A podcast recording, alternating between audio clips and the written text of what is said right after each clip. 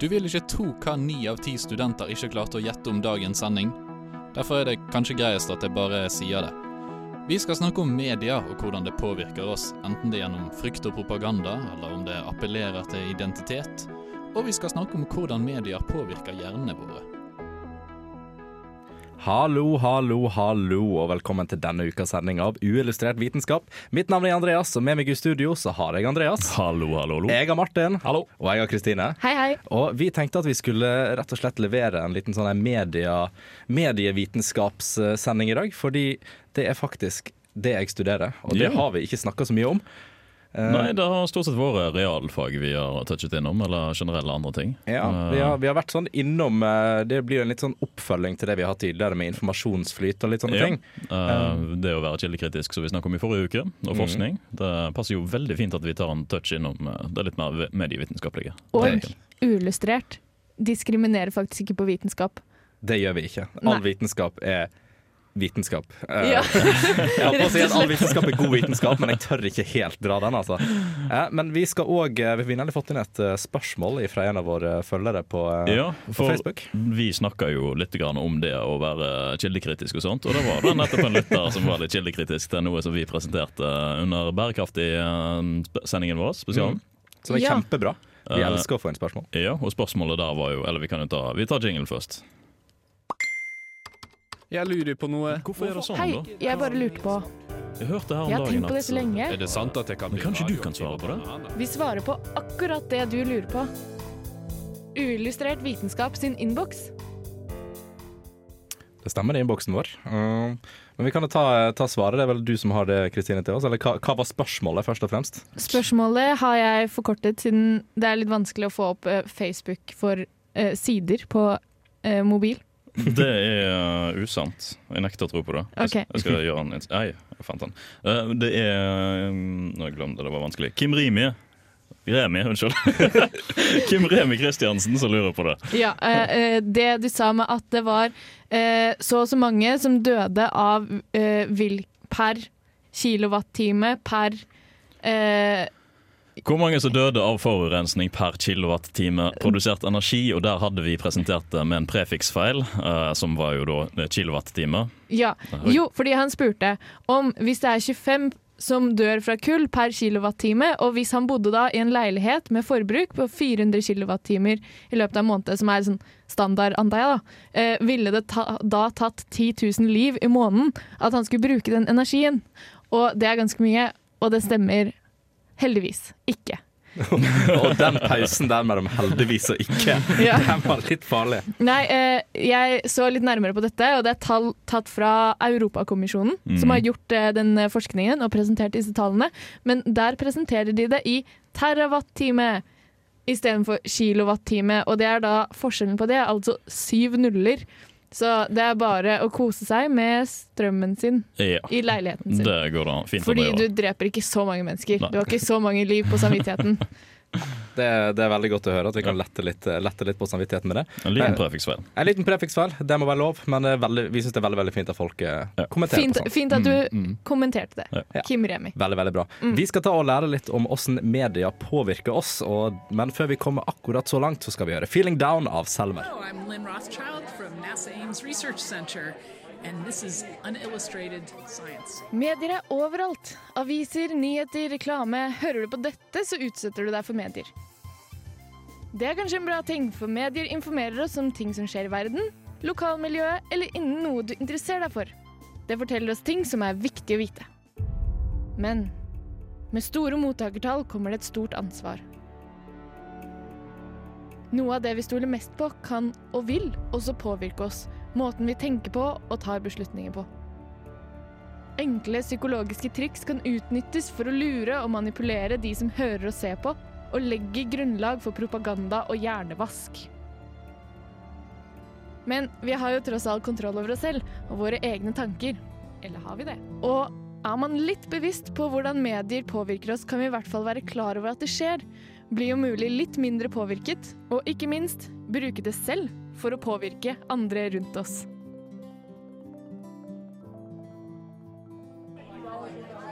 Det her er Jon Anders Lie, jeg er psykolog. og du hører på uillustrert vitenskap. Tusen hjertelig takk til deg, Jon Anders Lie. Eh, og det må jeg si, eh, Kristine, det er kanskje noe av det mest dystre jeg har hørt på, eh, på uillustrert vitenskap på lang tid. Jeg var litt positiv først, og så var jeg positiv etterpå. Så jeg regna egentlig med at den dystre effekten ville ikke ha så stor effekt. Ja, men det er den jeg husker. Det er jo Åh. veldig bra sp- virkemiddel, egentlig, da. Ja. Å pakke noe dystert og mørkt inn i noe positivt. For du husker altså, Det du momentant husker, er jo det positive på starten og slutten, men du sitter med den følelsen litt grann inni deg. Sånn, å, det var noe viktig med dette budskapet her likevel. Ja, har jeg vekket følelser nå? Ja, Ja, det vil jeg si engasjerte følelsene til publikummet mitt, og det vil si at dere husker det bedre. Hei, hei. Hei. Fordi det er Hva sånn, for noe? det er sånn eh, man prøver å gjøre, da. Når man skal appellere til et publikum, så er det eh, godt kjent at eh, hvis du bruker Hvis du vekker en følelse, hvis du eh, trigger noe på en måte hos mottakeren din, så vil den huske det bedre. Fordi at da var det ikke bare sånn å ja, en, en annen informasjon. Jeg har mye informasjon som kommer forbi meg hver dag, men så husker du på en måte det som gjør et inntrykk på deg. Det er noe som veldig mange forelesere kunne lært noe av. Ja, ja, ja. De kunne tatt et kurs, mange kunne tatt et kurs i retorikk. Men eh, det handler rett og slett om å gjøre et inntrykk, da. Og det er veldig lett å gjøre et inntrykk på på en måte sånne Skal vi si enkle følelser? Ja, for så vidt. Trist, glad, sinne, Frykt. frykt, sånne ting. At det, at det, er på en måte litt enklere å formidle da, enn f.eks. Eh, ting som er eh, flaut eller eh, skambelagt eller eh, Men det, jo noe sånne som, kompliserte følelser. da. men det er jo noe som kommer til å være et gjennomgående tema kan jeg se for meg eh, på diskusjoner og sånt i dag. Det er jo den the power of association. Og det at du er i stand til å koble på en måte et produkt nettopp sånn sier, opp mot en spesifikk følelse. Eh, Det gjør jo sånn veldig enkelt at når du føler den følelsen, så tenker du på det produktet. Det er jo det som er hele planen for media. da Eller Ja. den, den type bransje. Og en annen ting med følelser er at det er en del av hjernen du ikke har så stor kontroll over. Det er på en måte Følelser ligger ikke på en måte i den delen hvor du kan tenke logisk, men det påvirker deg likevel, men du kan ikke kontrollere det, og da blir det på en måte eh, Det vil påvirke deg på en underbevisst måte. Mm. Sånn at man tenker sånn ja, men jeg blir jo ikke påvirket av reklame fordi at det er så smart er jeg. Men det er ikke den smarte delen av deg som blir påvirket av reklame. Det er den enkle delen av deg. Det er det. Er akkurat på den der så må jeg innrømme at jeg falt for et uh, for, for, Faller for mange nå, men det var spesifikt én. Uh, der jeg hadde en dag der jeg satt og Chromecast og YouTube veldig mye, og fikk uh, støtt og stadig opp reklame for uh, denne blodappelsinbrusen til uh, Fanta. Ja. Ja, Gjett hvem som gikk og kjøpte seg en blodappelsinbrus uh, der ble du påvirket. Ja. Og det er også en annen ting eh, de bruker, det er repetisjon. Mm. Det å vise ting mange ganger. Fordi hvis du har sett det før, så tenker du sånn Ah, dette har jeg sett før, dette må være en bra greie. Selv om du har bare sett det før mange ganger, fordi at de som lager den reklamen, bare kjører på. Mm. Eh, det er jo ikke fordi at det nødvendigvis er, har, er viktigere for deg. Eh, men det er bare det at du har sett det før som gjør det mer troverdig. Og da kommer det jo i høy grad eh, det at du skal kjøpe noe over noe annet. For at, altså Hele måte poenget vil jeg si da, er jo at du står med et utvalg av fem forskjellige typer brus, så skal du med liksom den det analyserende senteret i hjernen, og sånt, så skal du velge den over de andre. av en eller annen grunn, Og det er jo nettopp de tingene som repetisjon og følelser og sånt, som kommer, eh, som kommer ut. En av de tingene de gjør, eh, som jeg syns er veldig interessant, er at de prøver på en måte å kalle det copyrighte eh, diverse ord eh, ved å legge det da i eh, slogans og legge det i eh, liksom kobler opp mot tittelen til noe. altså F.eks. ordet natur. Når man tenker natur, hva er det på en måte man assosierer med det? Er det noe produkt som liksom kommer Jeg skulle til å si Tine, men det, Ja. det var den første kommersielle produktet. Ellers er det jo bare skog. Ja, ja men sånn, da, da er ikke du så påvirka som uh... Nei, jeg ser jo ikke så mye på reklame. Det er jo kun, jeg får jo kun det inn når jeg uh, kaster ting på Chromecasten, fordi der har jeg ikke en adblock som blokkerer ut all reklamen. Men det er sånn, ta for eksempel ordet fastfood. Ja. Det er sånn, uh, Assosierer man seg det mest med eksempel McDonald's eller Burger King? Det er sånn, Hvilken av de to velger man øverst? Hvilken av de har man hørt mest fra? Hvilken av de har brukt de perfekte triggerordene for oss Ja. i reklamer? da? Det det er så mye som manipulerer oss, og som liksom eh, påvirker hjernen vår, eh, så vi ikke tenker over i det hele tatt. Det er veldig fascinerende. Veldig, Ja. mye bruk av sånne simple, men satisfying lydeffekter også i reklamer, som på en Mm. måte bare skaper et eh, velbehag som ligger under, liksom. Ja. At du hører åpningen av en brusboks, eller og litt sånn fislende vann, eksempel. Og så har litt lyst på en brus, ja. Eller, Mm. eller eh, ja, lignende sånn som det. Fastfood-lyder, skulle jeg si. Fastfood-lyd. Men det har også mye med farger å gjøre. Ja. At uh, man velger farger som er mer uh, Jeg vet ikke, appealing, Mm. uh, i mangel på et bra norsk ord på det. At det er liksom At du velger ting som er behagelig å se på, behagelig å høre på, fordi at det da får man en bedre assosiasjon. Og når man er inne på det med farger, har dere noen gang sett reklamer for parfymer? Ja, det, det har jeg sett. Stort sett. Uh, nei, ikke stort sett svart-hvitt, men det er det, altså uh, Å reklamere for en lukt, hvordan gjør du det uten lukt? Jo, du bruker farger. Så det er liksom sånn Du skal prøve å presentere en lukt eh, ved hjelp av farger, så det er jo noe som kommer igjen uh, også. Men der òg er jo i hvert fall, Når du nevnte litt med svart-hvitt, Martin, så er det en del sånn parfymereklamer kommer jo i svart-hvitt. Mm. Men så er det den ene nettopp fargen da som gjør Og det er jo, sånn, det er jo klassisk eh, markedsføring. Det er liksom blikkfang. Mm. Du har noe som er helt svart-hvitt, og så har du noe som er lite og ratt, men du ser på dem med en gang fordi han skiller seg ut. Har du lyst til å lukte blått? Ja. Og så har du attraktive mennesker. Det Ja. er en ting. Ve folk velger attraktive mennesker, sånn subjektivt veldig attraktive. Sånn, eh, de fleste syns denne personen er attraktiv fordi den er veldig retusjert type person. Uh, og det fungerer bedre på en eller annen måte enn en person som ikke er så attraktiv. Men det er òg litt sånn basert på målgrupper, da. Ja, målgruppe og kultur og alt mulig. Det, Det kom, det kommer jeg inn på litt senere òg, men sånn spesifikke målgrupper. Det er jo enkelte typer si, vakre mennesker da, som appellerer til en annen type menneske. Vi har liksom dratt i de tidlige liksom, reklame... eh, Hva skal en si reklameassosiasjonene veldig tidlig. Altså, Menn liker lettkledde kvinner. Sånn er det bare. Og hvis du har en lettkledd kvinne ved siden av et produkt, så vil du kjøpe den, for du liker lettkledde kvinner. Ja, det, det, er, det er så enkelt som det, rett og slett. Det, det er veldig enkelt som det. Men vi skal ta og prøve å lære litt hvordan identitet fungerer. Eh, og det skal vi annet høre litt fra deg, Martin. Eh, Det får vi nå. Vitenskap er kjempegøy, og derfor er også uillustrert vitenskap kjempegøy. Det er kalas, for å si det sånn. Her på Radio Revolt. Hvem er du?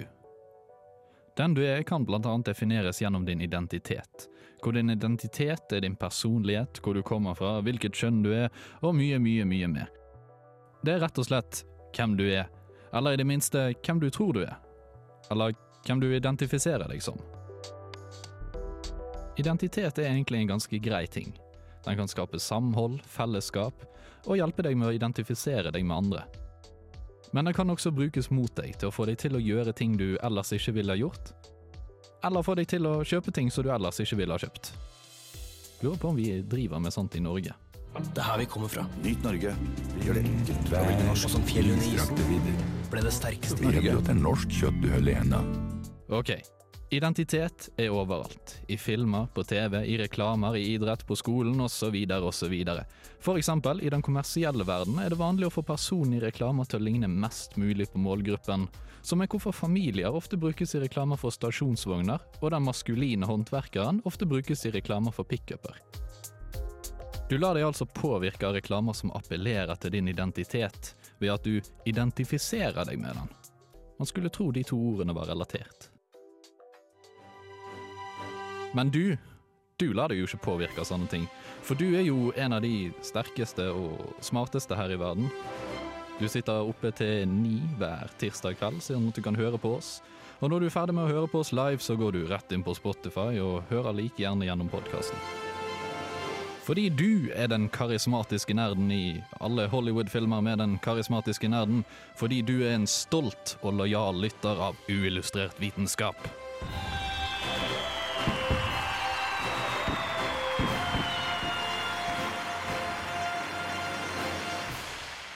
Hva er den lille prikken oppi himmelen der?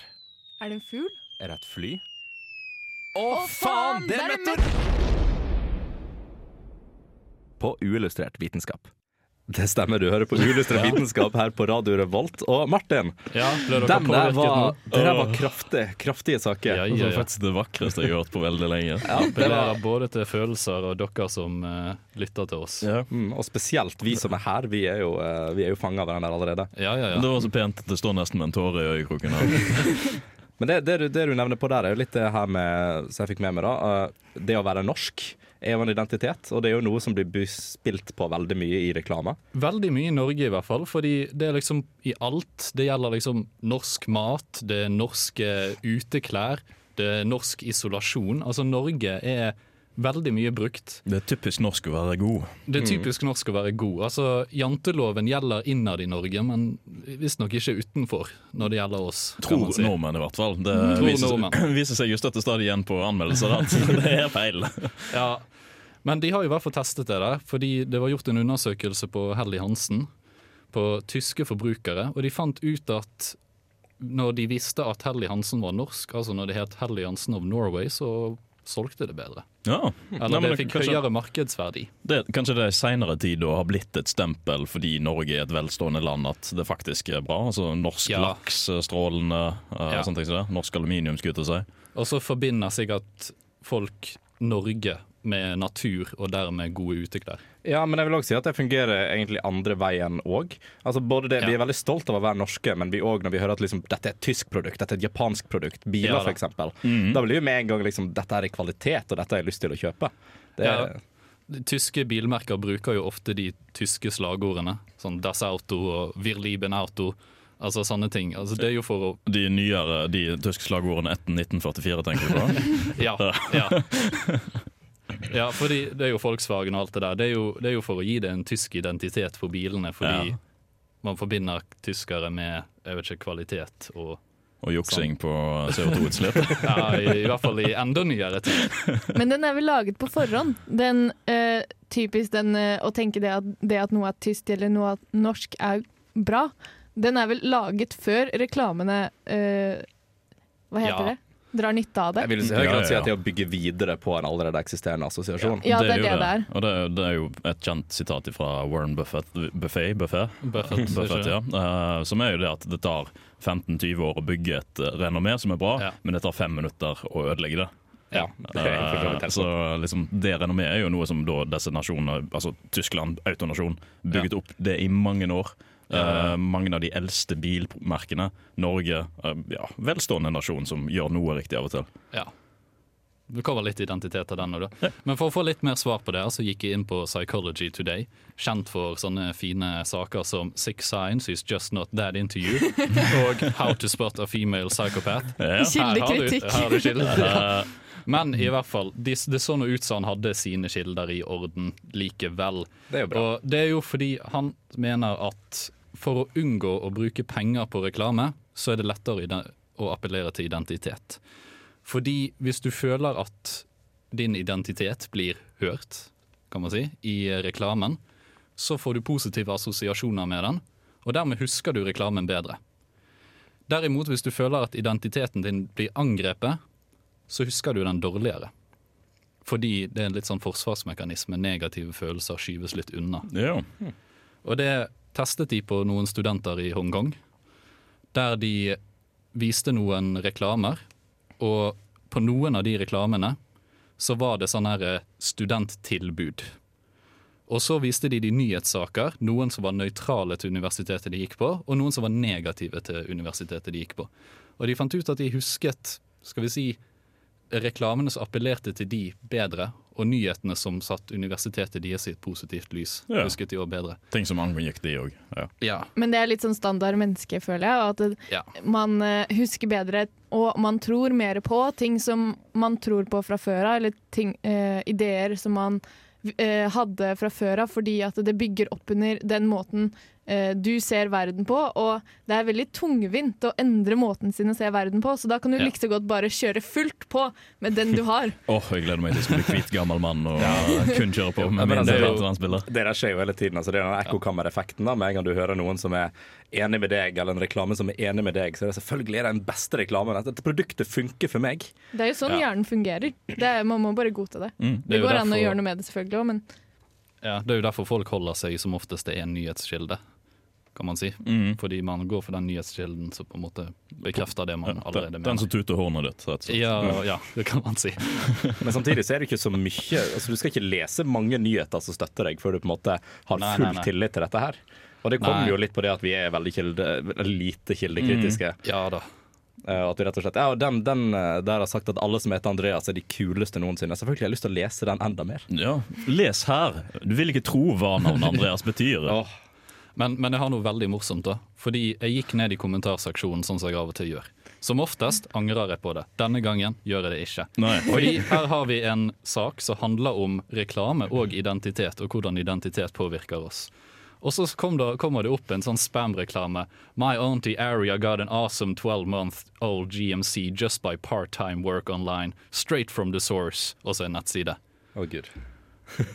Tror auntie Aria tror, tror du hun er en eldre dame som Tror du det skal appellere til eldre damer på nettet som bare Ja, altså, dette har jeg lyst til å se på. Den er Sikkert litt grann sånn som det som er tanken, ja. Så resten av kommentarene snakker bare om hvor ironisk det der var. det er en som spør her So how old is this auntie Aria, and what is her ethnic background? I'm not sure if I'm supposed to remember or forget the ad. Nydelig. Fantastisk. Veldig meta- metakommentar, vil jeg si.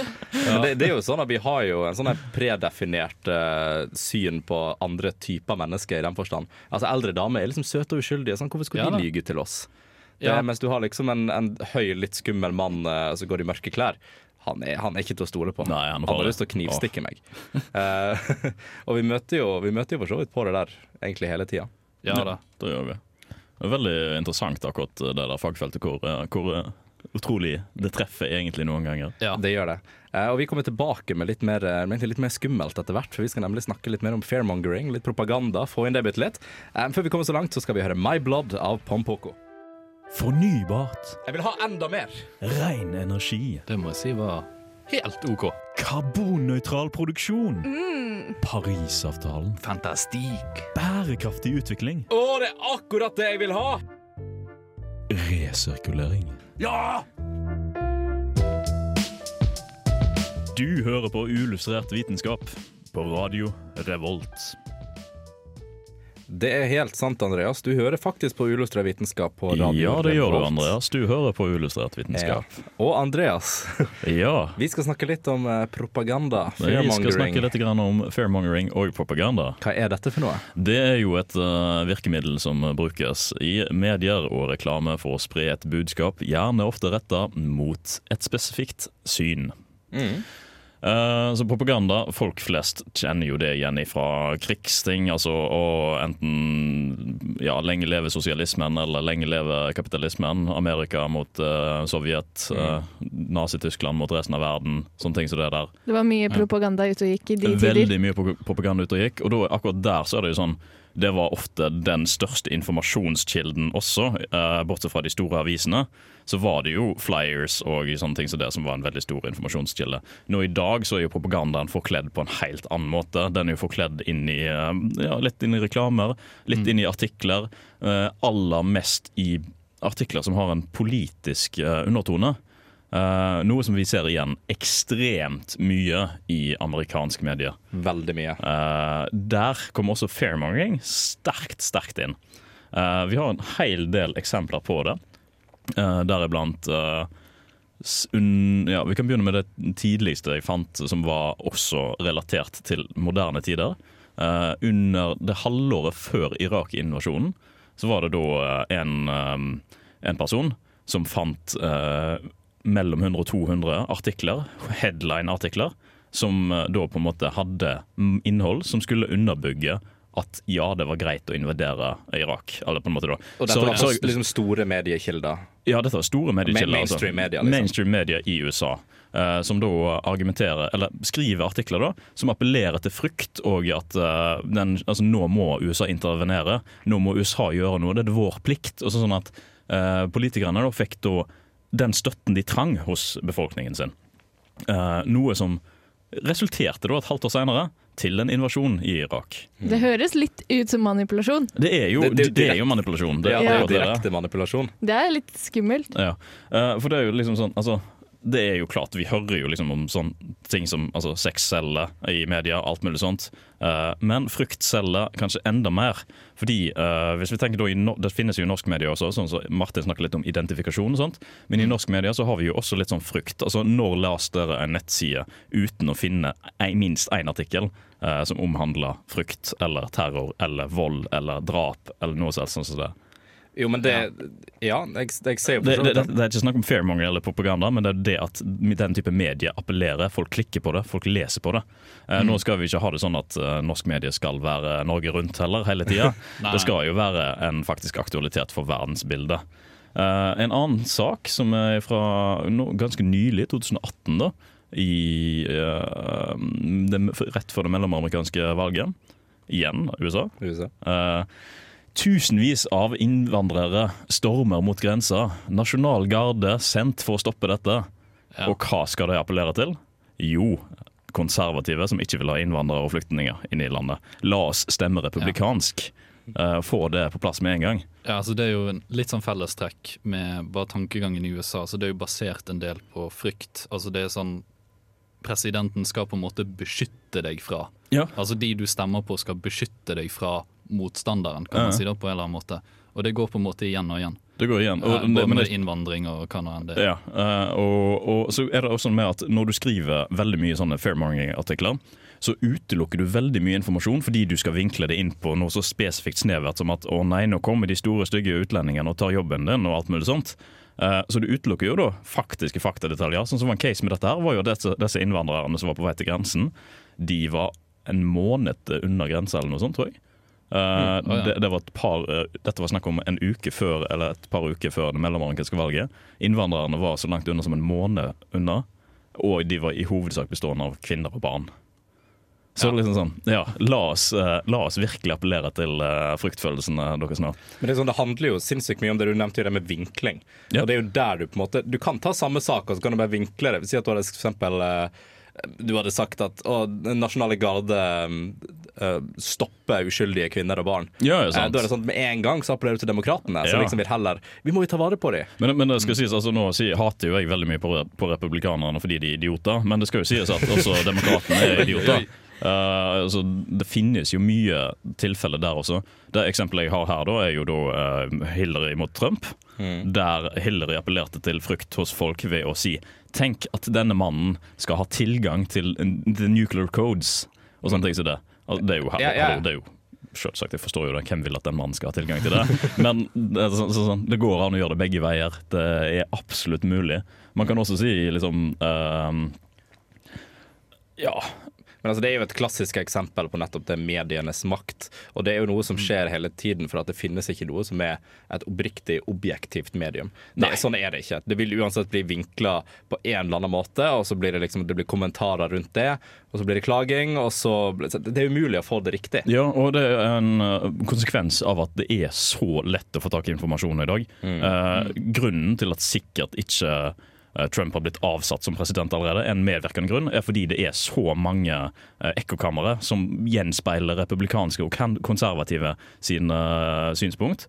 Og så er det så mange som også rep eh, representerer de demokratiske sine. Så de får på en måte altså eh, Fox News presenterer at Trump har gjort veldig masse bra, og dette er bra, og så har du eh, jeg vet ikke hvem som er demokratiske sine sider, men som sier at dette er feil, feil og sånt. Altså, Ja. Nixon, nei, jo, Nixon ble jo avsatt, Ja. Ja, og han var en republikansk president. Men da var det en veldig mye mindre polarisert mediedekning. Altså Det var veldig færre, mange færre mediekanaler som presenterte dette her på en synsvinkel som var sånn at det resulterte i dette. Ja, og det ekstremt polariserte USA er jo ganske nytt. Ja. Det kom jo på sånn tidlig 2000-tallet Ja, begynte det å bli ganske gale. Og det er jo dritfarlig, fordi sånne ting som dette her skjer. Altså Du får en, øh, en, en kjendis som president i USA. Ja. Uh, og ja, og han, han er jo dritflink til å bruke den retorikken. Han får det jo til. Han klarer jo å appellere til eh, disse folkene med å komme med trusler og skremsler og alt mulig sånt. Altså Innvandrere, fy fy, terror. Vi skal stoppe terror i landet. Hva er den største terroren i landet? Jo, våre nasjonale menn skyter opp skoler. Altså, det er ikke innvandrere som skyter opp skoler, det er jo amerikanere som skyter de opp. Det er nettopp det. Og det, tingen, veldig mye av det som i hvert fall psykologien på det handler om, med propaganda og sånt, er jo det at man er redd for å skille seg ut. Man må liksom sa alle andre mener dette her. Dette burde du òg mene. Ja. Det er jo litt sånn klassisk propaganda. Det er mye av det som har måte, ført til uh, uh, altså, ta for eksempel eh, ta andre, ta andre verdenskrig, da, og du har liksom hele denne Pearl Harbor, Pearl Harbor-situasjonen og sånt.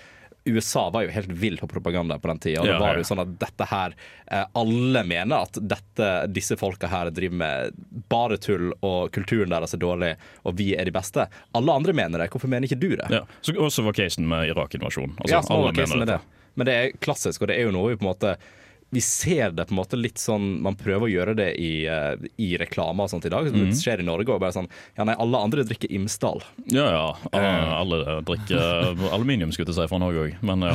Ja, men det er, man er redd for det, på en måte Det er jo egentlig litt av den fair of missing out. Da. Hvis ikke du deler samme livssyn som, som alle, så er du utenfor. Folk er redd for å bli Bare, utstøtt. bare slutt med det. Bare slutt med det. Stå, tør å stå ut, rett og slett. Ja, ja, altså, det er jo selvfølgelig ja, moral her. herregud. Men, det er ja, drar du det litt lenger ut, eller litt lenger tilbake i tid, så er det jo flokkinstinkt det går i. ja, det er jo Ja, det er jo At du må jo være som alle andre for å overleve, hvis ikke så har du jo ingen som kan hjelpe deg å ta vare på deg selv. på en måte. Og skal... Og det er jo en dyp, altså det er en primitiv del av oss som har lyst til å være sånn som alle andre. Det er jo derfor man går alle jenter på ungdomsskolen går i samme jakke. Ja, ja, altså Jeg skal jo ikke si sjøl at jeg eh, er en unik sau, for å si det sånn. Altså Jeg er jo en sau sjøl. Altså, følger jo en viss standard norsk levestil der du lever etter visse retningslinjer som er forventa at er riktig. We the sheeple. Ja, sant? Men uh, det er jo det ha egne meninger likevel. Å skille. Hvis man er litt kildekritisk, så klarer man å skille ut, skille ut uh, propaganda. Altså igjen, Det er jo selvfølgelig det som er moralen her. Ja. Vi oppfordrer jo selvfølgelig alle til å tenke, tenke unikt og være deg sjøl, og alt mulig sånt, men det er det er jo litt som vi kommer tilbake på sånn, det er jo ofte de delene av hjernen som vi ikke kontrollerer så mye på. Og ofte liksom diverse saker og sider av saker det styrer, føl- Ja, de påvirker styr, følelser. du styrer følelsene, men man kan være reflektert og tenke på det i ettertid. Selvfølgelig. Det er jo det som er hvordan, det er hvordan du knekker den nøtten. Tenk på det i ettertid. Herregud, hva tenkte jeg på? Ja. Og så er det jo også veldig lett å få tak i denne informasjonen. Altså, den blir ser altså, hvorfor skal du være kildekritisk når informasjonen blir servert til deg? Den blir Oi, nå Ikke riv ned ting. Ikke ødelegg ting. eh, Man får det liksom eh, ropt ut på medier og reklamer og alt mulig at det er Du får ikke den derre 'nå skal jeg tenke over dette jeg har sett', for du har bare sett det og ikke tenkt over det. Eh, fordi du bare får det servert. Og da blir det liksom litt annerledes, da. Ja, det er, det, er- det, er, det er sånn det er, rett og slett. Eh, vi skal komme tilbake og prate litt mer om mediemanipulering, samtidig som vi får litt innsyn i etikk og kanskje hva clickbait er for noe. Før vi kommer så langt, så skal vi høre 'Feeling Lonely' av Boy Pablo. Av og til kan det være vanskelig å finne fram til riktig fun fact. Derfor har vi samla mange fun facts på ett sted, slik at det blir lettere for deg å finne fram til riktig fun fact. Fun fact illustrert vitenskap. Og det er den beste fun facten i verden, og det er den du burde fortelle alle vennene dine. Ja! hey. Visste du at Andreas betyr mann? det visste jeg, Ja. eh, og det er kjempebra. Eh, jeg kan se det så skuffende blikket til Kristine. Vi har den Jeg er litt lei av den vitsen nå. Ja. Jeg, jeg er lei.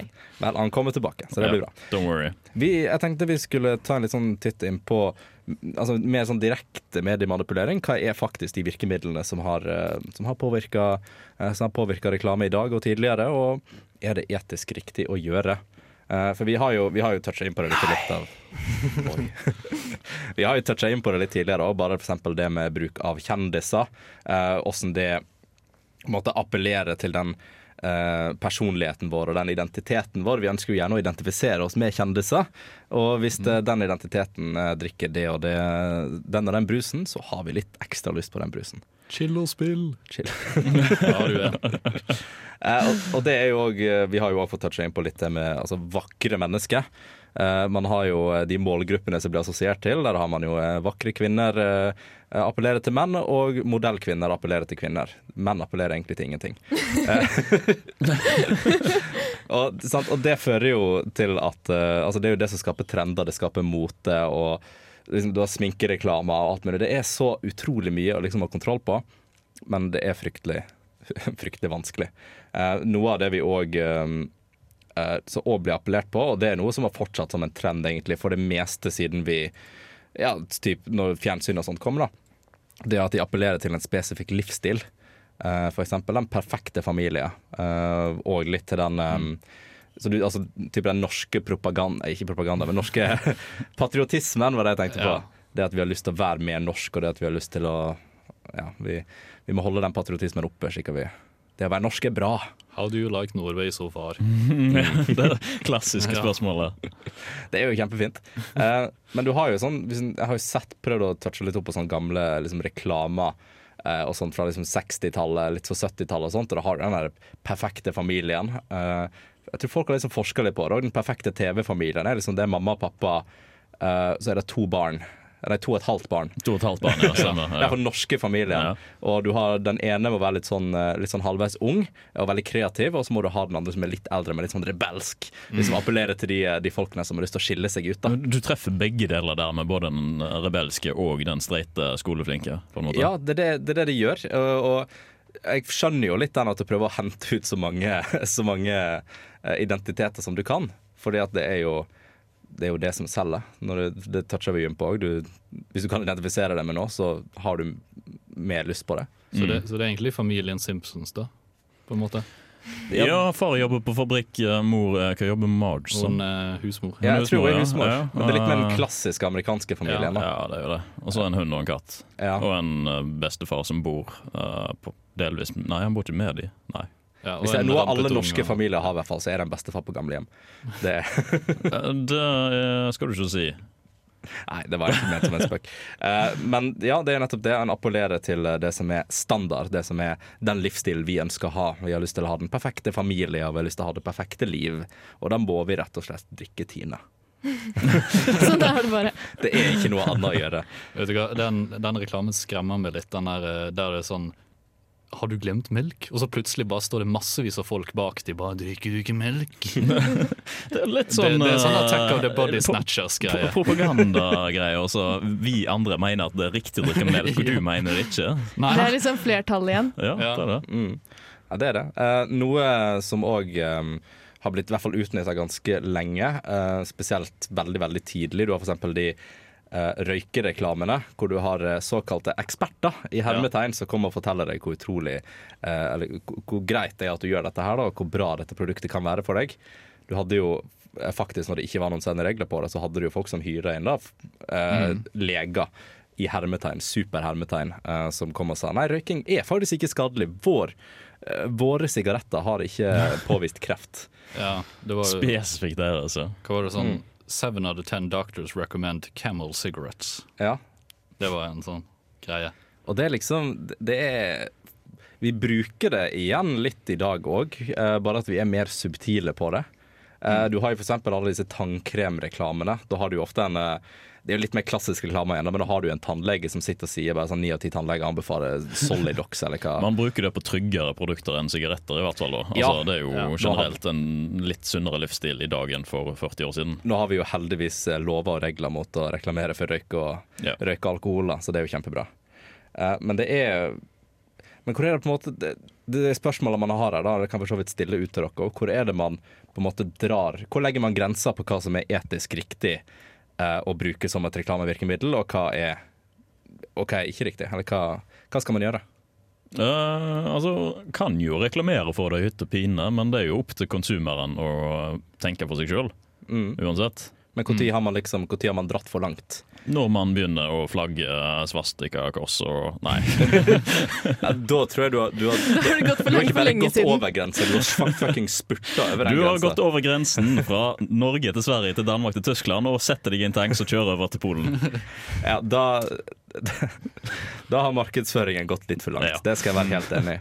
Men sånn på et litt mer jordnært nivå, da. Ja. Um, si at man skal reklamere for et veldig enkelt, et enkelt produkt. Hvor går på en måte grensene? Ikke nødvendigvis de lovlige grensene for hva en kan reklamere for, men hvor går de etiske og moralske grensene for Altså, hva som er man greit? jo, jeg tenker først det at man må appellere Eller sørge for at målgruppen er utviklet, på en måte. Altså ikke manipuler barn. eh, Men det er ikke lov, det er- står i loven. Nei, men det, er, altså det kommer fortsatt gjennom. Det skjer ikke så mye i Norge, men i andre land så er det reklamer som er targeted for barn. Det skjer i Norge òg. Det er jo de Cartoon Network. Cartoon Network-reklamer, du har reklamer for leketøy og sånt. Ja. De er ofte veldig sånn Men det- De, oppspilt. Ja, men litt grann simple likevel. Altså, det er ikke sånn uh, Nå skal vi ha de tre kortene Tre sifrene på baksida av kortet ditt. Uh, reklame, jeg si. Men det er litt grann sånn, ja, du skjønner hva jeg mener. Jeg skjønner hva du mener. Men ja, der spiller du jo òg veldig på en spesifikk følelse. Du Ja. spiller på et veldig spesifikt energinivå. Glede. Glede. Lykke. Nå skal Ja. vi ha det gøy. Hvis jeg skyter den nerf gunen her, så blir jeg lykkelig for resten av livet mitt. Ja. Battericelle separat. Ikke minst. Men uh, for, for min del så er det sånn at uh, ja, du kan gjøre veldig mye, men individet du reklamerer for, skal tenke sjøl, er konklusjonen min. Ja, og det skal det. Uh, og nå, altså, Jeg kommer ikke på noen konkrete eksempler på det, men tidligere så vil jeg anta at det brukt eh, litt mer subtile måter å appellere til barn. Eh, sånn her at du, du appellerer til måten de tenker på. Du appellerer liksom til at eh, deres syn på ting eh, Igjen, jeg kommer ikke på noen spesifikke eksempler på det, men det er, i hvert fall, det er en grunn til at de satte opp disse lovene for å kunne reklamere til barn. Det må være utrolig åpent hva det er for noe. Det må være måte, litt mer via foreldrene. da. Eh, og jeg tenkte vi skulle touche nett kjapt innpå før vi, eh, før vi dessverre er nødt til å, til å avslutte. Det nemlig det med clickbait. Ja. Clickbait er fryktelig interessant. Du vil vil er, ikke tro hva vi skal gjøre om ca. to minutter. det stemmer. Ja. Da føler jeg litt spoiler, da. Men, eh, men det som er interessant med clickbait fra et liksom psykologisk perspektiv, det er jo det at det appellerer eh, veldig mye på samme måte til oss som sjokolade gjør. Eh, med i den forstand at eh, det, er, det handler om nysgjerrighet og belønning. i den forstand. Eh, når du tar en sjokoladebit, så påvirker det belønningssenteret i hjernen. I hvert fall hvis du har gjort noe før. Det er sånn, ok, Jeg har klart noe, jeg fortjener en sjokolade. Sukker eh, og alt mulig sprer seg ut. Men det å få svar på den nysgjerrigheten som du hadde med den artikkelen, Det gir belønning, det, det også. gir belønning, det også. Og du får de samme sansene i kroppen som reagerer på det. Det er derfor man føler seg så jævla lysten til å trykke på den linken. Det, det er støtt og stadig gangen jeg tar meg sjøl i Nei, Andreas, Ja. du, har, du har ikke lyst til å lese det som står der egentlig. Du trenger ikke trykke på den. Jeg, jeg, hadde en, jeg hadde en kort fase i livet der jeg satt oss opp på sånne topp ti-lister på Cracked. Ja, det, det, det er det det går i. Ja. Det er liksom den nysgjerrigheten. Hvilke, hvilke ting står på den listen? Det er rett og slett det. Man kan aldri, bli, man kan aldri få det liksom helt, eh, helt besvart, da. Eh, Men vi det begynner dessverre å nærme oss litt slutten på, eh, på denne ukas sending Uelse Vitenskap. Men ikke helt ennå. Før vi går helt mot slutten, så skal vi høre Trøst av Nyresvikt. Vitenskap er dritkule. Dere er det beste programmet ever. I love you guys. Hilsen super, hyperfan.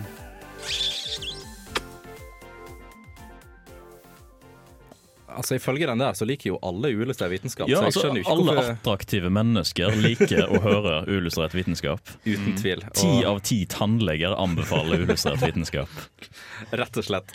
Nei, vi har, vi har hatt en veldig fin sending i dag, syns jeg. Vi har fått toucha innpå uh, det som foregår rundt oss hele tiden. Nemlig media, manipulasjon og markedsføring.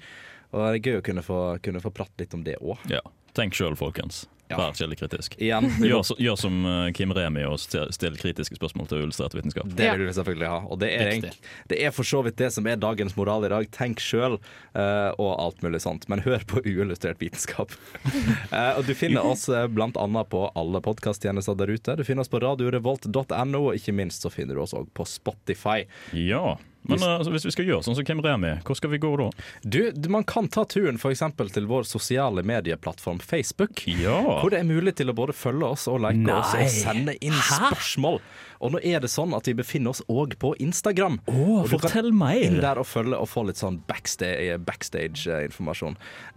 Og den kommer i en liten bærbar pakke. en liten bærbar pakke, han er billig. Kjempe, Ja. Dette går helt fint. Men tusen tusen takk for at du hørte på oss i dag. Mitt navn har vært Andreas. Med meg i studio så har jeg hatt Andreas. Ha det bra. Jeg har hatt Martin. Ha det bra. Og jeg har hatt Kristine. Ha det bra. Ha det bra.